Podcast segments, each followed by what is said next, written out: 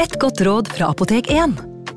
Nå er snart pollensesongen i gang, og et godt råd til deg som sliter med pollenallergi, er å begynne behandlingen i god tid før allergisesongen starter.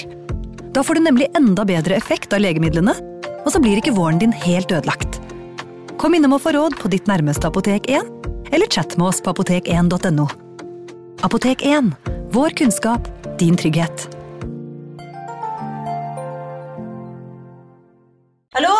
Jeg kommer fra Oslo politikammer. Ine Jansen er purk. Er du purk? The motherfucking bitch. Alt jeg vil, er å finne ut hva som skjedde med mannen min. Jon Carew. Er jeg sikta for noe? Iben Akeli. Det er du. Ole So, Lars Berrum og Big Daddy Karsten. Hvem sin side er du på, egentlig? Anette Hoff, Tone Danielsen, Kommer du fra Afrika? Jørnis Josef, Nesten kløfta. Trond Espen Seim, Det er synd å si det, men det var feil mann som døde. Purk.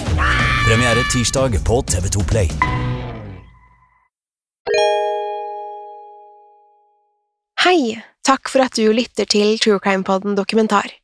Skulle du ønske at du kunne høre en ny episode av denne podkasten hver eneste uke? Vel, da er det bare å laste ned podkastappen Untold med en gang. I tillegg til ukentlige episoder av podkaster som Skrekkpodden, Synderne og True Crime Podden, får du masse annet reklamefritt og eksklusivt innhold. Last ned Untold i AppStore eller Google Play, og start din 30 dagers prøveperiode i dag. you.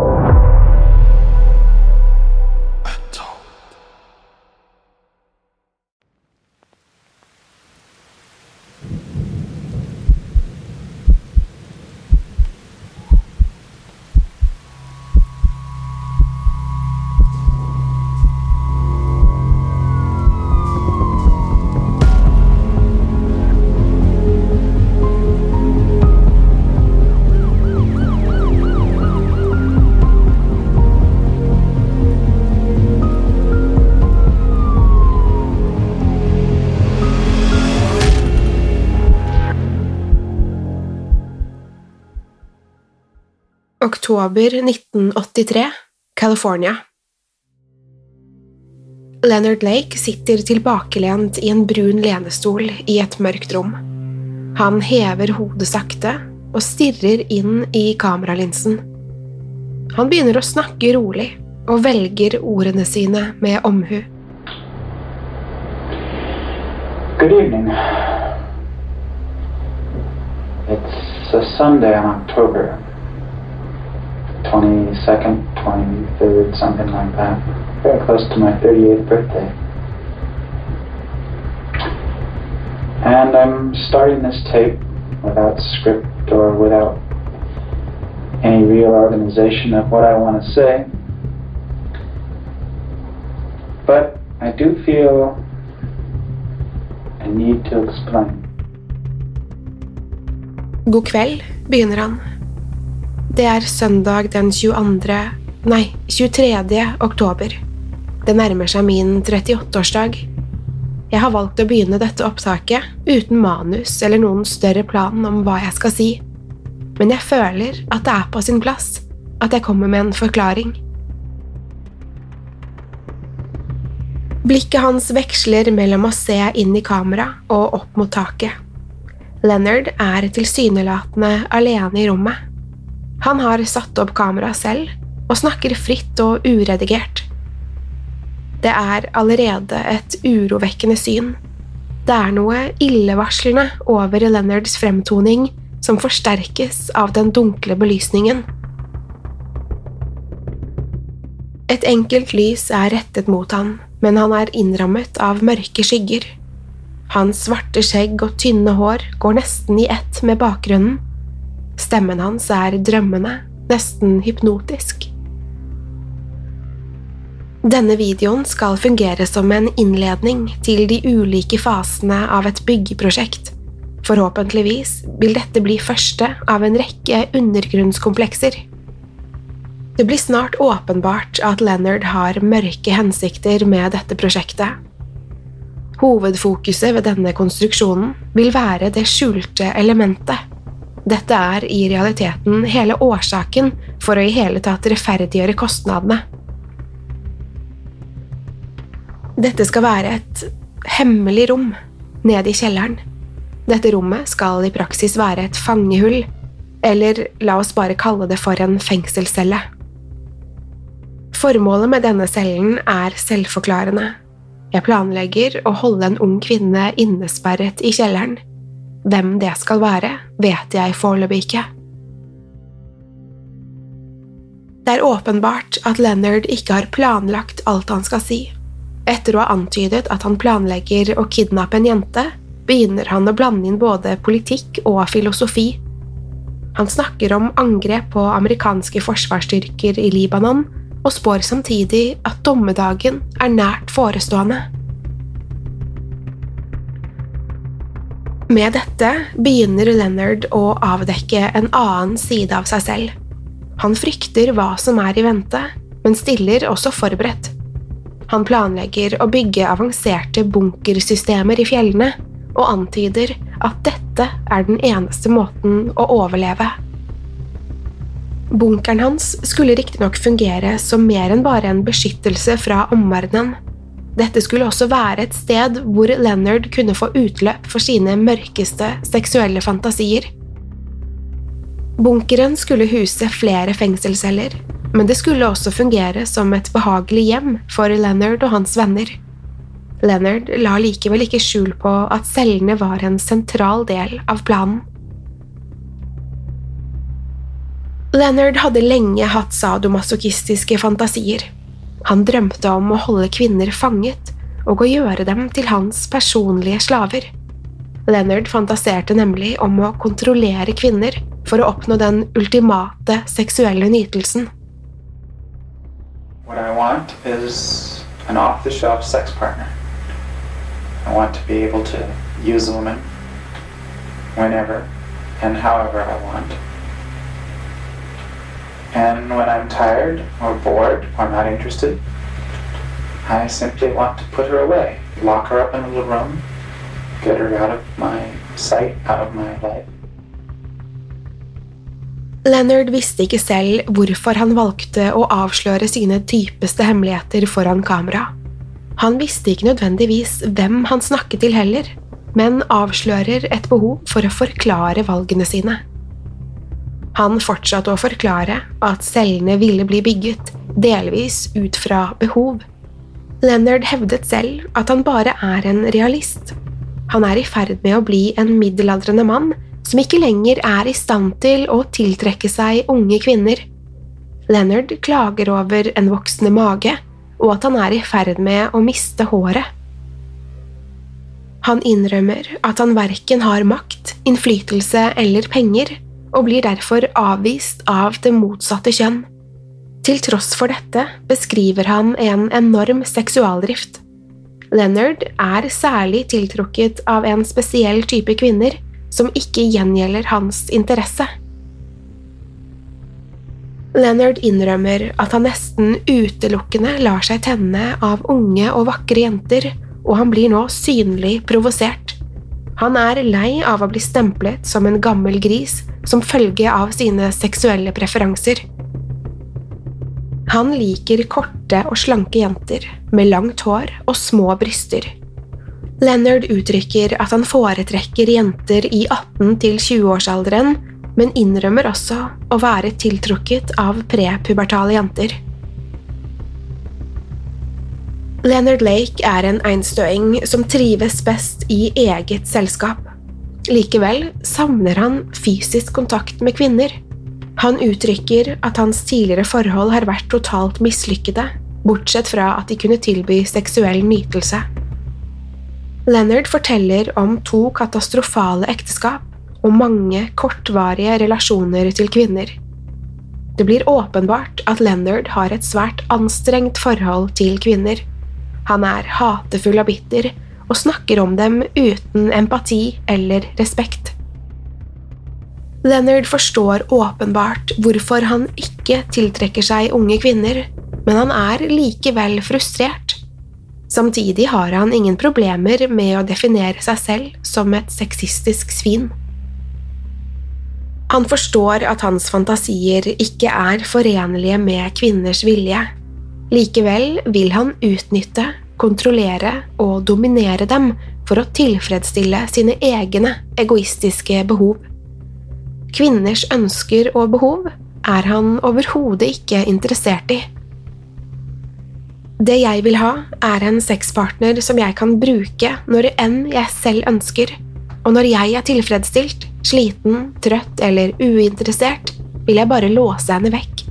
Jeg vil slippe å se på henne, og slippe å late som jeg bryr meg om noe annet enn vår seksuelle relasjon. Leonard forsto at hans kvinnesyn var sexistisk, og at han måtte bryte loven for å få det som han ønsket. Til tross for en åpenbar bevissthet rundt sine holdninger, hadde ikke Leonard noen planer om å styre seg.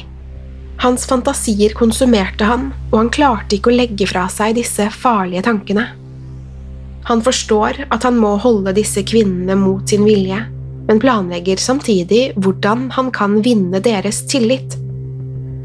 Han vil holde dem innesperret under umenneskelige forhold. Kvinnene vil frarøves alle menneskelige behov, og han vil strippe dem for både komfort og verdighet. Samtidig planlegger han å gi dem små belønninger som under disse forholdene vil fremstå som en midlertidig flukt fra helvete. På den måten føler Leonard at han kan indoktrinere kvinnene til å lystre. Leonard fortsetter å argumentere med seg selv. Han innser at dette ikke vil bli enkelt å gjennomføre, men han er nødt til å forsøke. Kostnadene vil også bli enorme, men han er ikke villig til å gi opp drømmen. Noen få dager senere var konstruksjonen av bunkeren i gang. Omringet av frodige trær, majestetiske fjell og vill natur sto Leonard på en åside i Wellsville i California. Dette skulle bli åstedet for Leonard Lakes grusomme forbrytelser.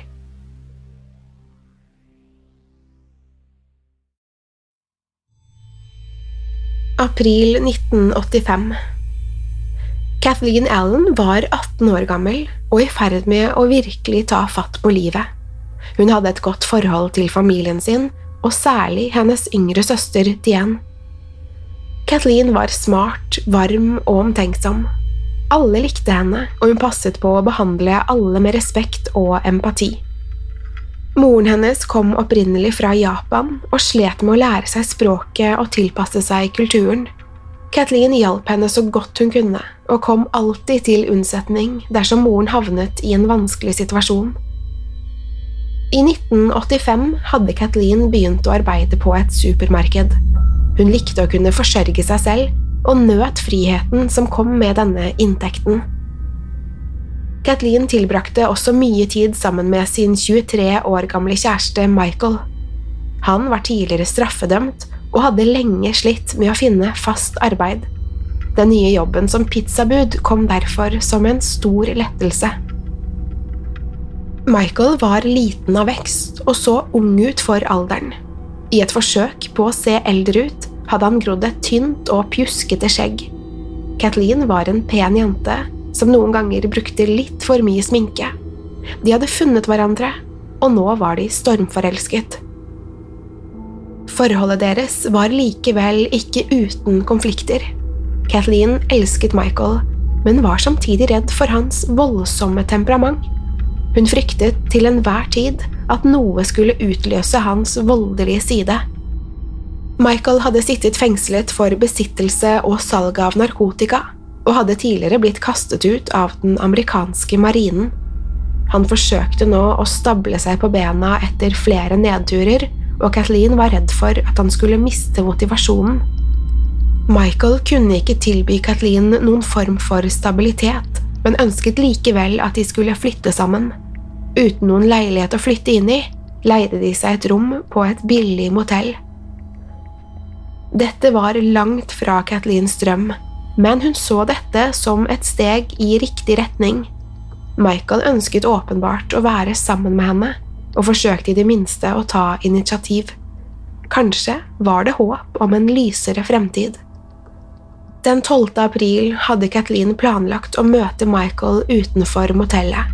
Han hadde begynt å gjenvinne hennes tillit, men denne kvelden dukket han ikke opp. Kathleen ble sint og følte at Michael hadde sviktet henne. Men dette sinnet ble snart forvandlet til bekymring. Det gikk nemlig flere dager uten at Kathleen hørte fra kjæresten. Til slutt fikk Kathleen videreformidlet en beskjed fra Michael. Han hadde vært i nærheten av San Francisco, men hadde havnet i trøbbel. Han hadde søkt tilflukt ved innsjøen Lake Tahoe og ønsket at Kathleen skulle komme så fort hun hadde anledning. Michael hadde foreslått at han kunne sende noen for å hente henne så snart hun var ferdig på jobb. Det er uvisst hvem som ga Kathleen denne informasjonen, men det er lite sannsynlig at det kom direkte fra Michael. Kathleen hadde virket veldig bekymret og fryktet at kjæresten var skadet. Til en kollega antydet hun at Michael hadde blitt skutt, og at han kjempet for livet. Kathleen ønsket å komme seg av gårde så snart som mulig. Hun gikk til sjefen sin og ba om fri, så hun kunne være sammen med kjæresten. Nok en gang fortalte Kathleen at han hadde blitt skutt. Hun fikk tillatelse til å reise, og hastet i vei mot Lake Tahoe. Sjefen til Kathleen ønsket henne lykke til. Da de stengte for kvelden, ble Kathleen observert da hun satte seg inn i en kobberfarget Honda. Bak rattet satt en mann i 40-årene. Senere den kvelden ringte Kathleen en venn fra et motellrom. Hun virket opprørt og hadde liten tid til å prate. Kathleen fortalte at hun var på vei til Michael sammen med en annen mann. Hun beskrev sjåføren som en merkelig type. Under bilturen hadde han blant annet spurt om han kunne ta bilder av henne. Kathleen lovet å gi en oppdatering så snart de ankom Lake Tahoe. Men dette var siste gang Kathleen ga fra seg et livstegn. De neste dagene av Kathleens liv ble dokumentert på video. Hun satt i en brun lenestol i et mørkt rom med hendene bundet bak ryggen. Kathleen fremsto rolig med et uttrykksløst ansiktsuttrykk. Hun sa ikke et eneste ord, antageligvis lammet av intens frykt. En mann snakket til henne bak kamera. Det var den rolige, nesten hypnotiske stemmen til Leonard Lake. Han antydet at Michael skyldte han penger, men at han ikke var i stand til å betale for seg. Leonard begynner så å beskrive Kathleens valgmuligheter. Vi har tenkt til å gi deg et valg, Kathleen, og dette er antagelig det siste valget du kommer til å få. Hvis du gjør som vi sier, og følger alle våre ordre, vil vi slippe deg fri om 30 dager. Det vil være den 15. mai, hvis du vil ha en spesifikk dato. Vi kommer til å dope deg ned, sette bind for øynene dine og forsikre oss om at du ikke vet hvor du er. Hva du velger å fortelle, bryr ikke jeg meg om. Du vet ikke hva jeg heter uansett. Vennen min heter Charlie, men det spiller ingen rolle. Charlie sto ved siden av Leonard. Kathleen måtte myse for å få øye på ham i det dunkle lyset. Charles Eng var liten av vekst, og hans mørke hår og klær gikk nesten i ett med omgivelsene. Han var opprinnelig fra Hongkong, men hadde flyttet til USA som 18-åring. Charles gikk inn i bildet og strammet bindingene rundt Kathleens ankler. Leonard fortsatte å prate til Kathleen. Du aner ikke hvor du er, så det du sier kan forhåpentligvis ikke skade oss. Michael har forhåpentligvis forsvunnet innen den tid uansett. Jeg sier alt dette fordi vi ikke kommer til å ha noen makt over hva du velger å fortelle når vi slipper deg fri. Hvis du bestemmer deg for å ikke samarbeide med oss allerede i kveld, kommer vi til å skyte deg i hodet og begrave deg ved siden av Michael. Selv da hun mottok denne beskjeden, satt Kathleen helt uttrykksløs. Samtidig må frykten ha begynt å fortære henne. Michael var allerede død, og hun var fanget i dette rommet med Leonard Lake og Charles Eng. Lake fortsatte å prate til Kathleen, tilsynelatende upåvirket av hennes stoiske ro. Vi gjør dette fordi vi er redde og nervøse. Vi har ingen planer om å gjøre noen store feil, og i hvert fall ikke å bli tatt. Mens du er her, må du gi oss informasjon om Michael. Du må fortelle oss om broren hans, bankkontoer og hvem vi må ta kontakt med. Du må antageligvis skrive et brev hvor du forteller Michael at du har bestemt deg for å dra din vei, at han har flyttet til Timbuktu, har fått seg jobb og startet et nytt liv. Du må få det til å virke som at Michael bare har bestemt seg for å fordufte. Så lenge du er her, kommer vi til å holde deg okkupert. Du skal vaske og rengjøre for oss, men du skal også tilfredsstille oss seksuelt. Så der har du valget ditt. Eller det er egentlig ikke et valg, med mindre du ønsker å dø. Kathleen satt lenge og lyttet til Leonards lange tirade. Hun forsøkte til slutt å svare, men hun kjente at stemmebåndet sviktet. Hun klarte kun å presse ut noen få ord. Leonard var uansett ikke ferdig. Han fortsatte å snakke, tilsynelatende i et forsøk på å berolige henne. Likevel skiftet han konstant mellom å fremstå vennlig og fullstendig ondsinnet. For å være ærlig så liker jeg deg, det føles ikke godt å lyve til deg, men vi var nødt til å få deg med hit. Om du velger å tro på oss eller ikke, spiller egentlig ingen rolle. Vi bryr oss ikke om vi oppleves som rettferdige eller snille. Vi tenker egentlig bare på oss selv. Vi er egoistiske drittsekker, men du kommer sikkert på verre tilnavn i løpet av de neste ukene. Det er i hvert fall situasjonen. I løpet av det siste døgnet har du vært sliten, nervøs og anspent. Vi forventer at du endrer på det. Tro meg, det er best for oss alle. Hvis du gjør som vi sier, kommer vi til å være så gode med deg som situasjonen tillater. Hvis du ikke lystrer, tar vi sannsynligvis med deg inn på soverommet, binder deg ned, voldtar deg og skyter deg før vi begraver deg utenfor. Beklager, men tiden er ute. Du er nødt til å ta en avgjørelse. Kathleen satt fremdeles uttrykksløs og tok inn Leonards forferdelige instrukser.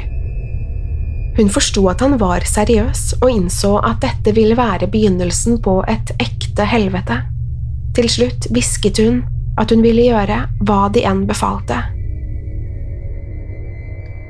Leonard uttrykket sin glede over dette og gjentok sin forakt for Michael. Han fortsatte likevel å komme med verbale angrep på Kathleen. Leonard fortalte at Michael var lei og planla å gå fra henne. Han hevdet at Michael syntes hun var klengete og krevde for mye. Han fortsatte å antyde at Michael hadde hatt affærer med andre kvinner. Leonard likte å snakke til Kathleen på denne måten. Han ble åpenbart begeistret av ideen om å bryte henne ned og nedverdige henne.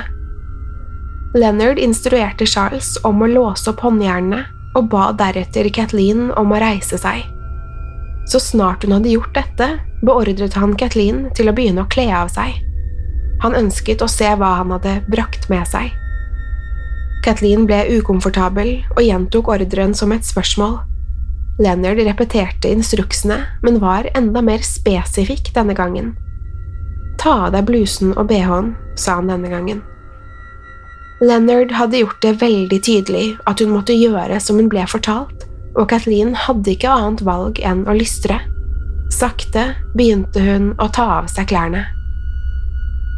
De to mennene studerte henne og begynte å diskutere seg imellom. Hva tror du? sa etter hvert Charles. Skal vi ta av ned buksene? Leonard og Charles ble positivt overrasket av Kathleens vilje til å gjøre som hun ble fortalt. Leonard gjentok at de allerede hadde lagt flere planer for hvordan ulydighet ville straffes. Han valgte nok en gang å repetere deres strenge regler.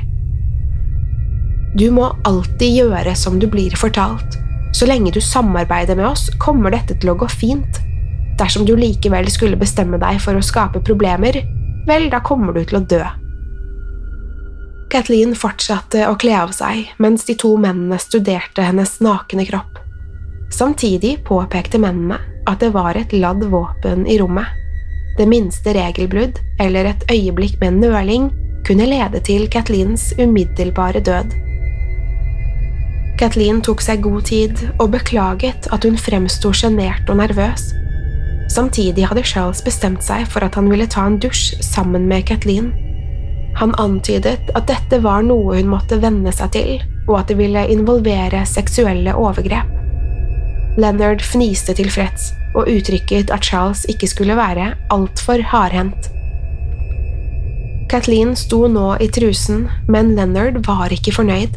Han ba henne kle seg helt naken og minnet henne på de grusomme konsekvensene dersom hun nektet. Da hun hadde kastet det siste plagget, grep Charles tak i henne. De forsvant ut av bildet og fortsatte ut av rommet. På vei ut forteller Leonard at Kathleen kan ta på seg et par sandaler før kameraet går i svart.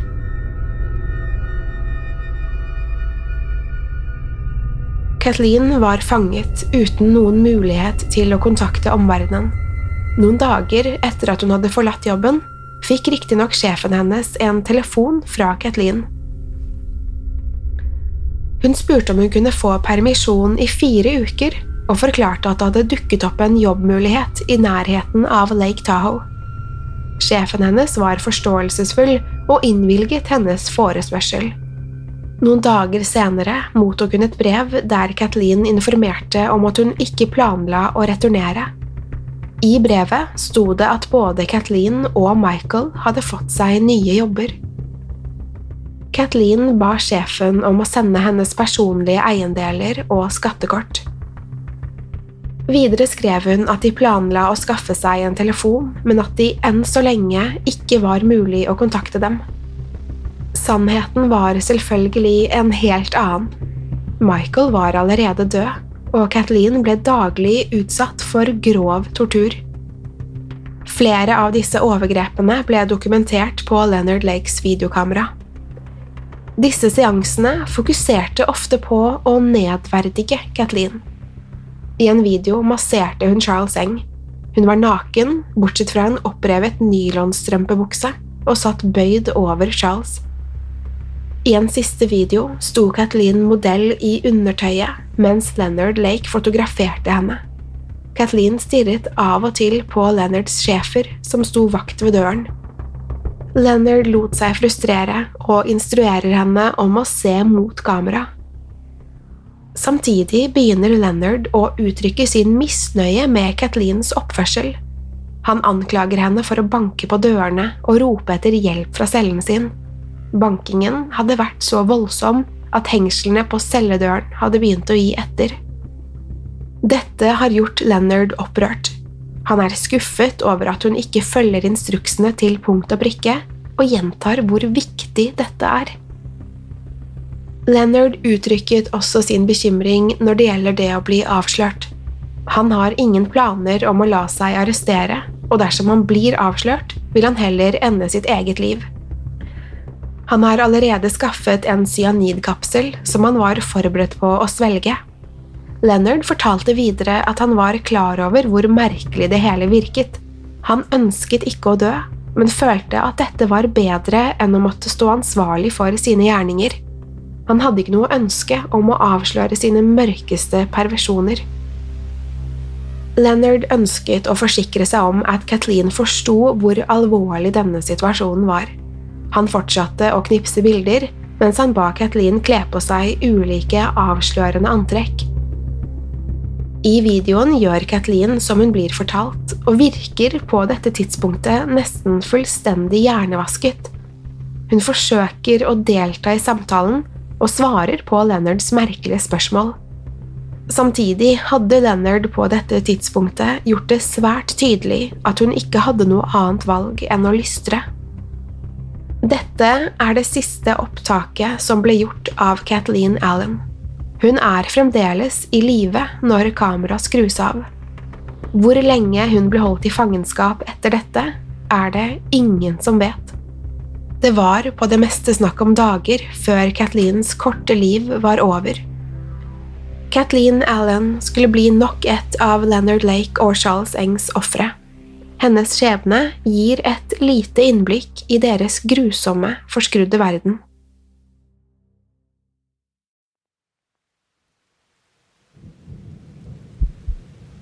Dette var første episode av True Crime Podden dokumentar. Vi fortsetter historien om Leonard Lake og Charles Eng i neste ukes episode.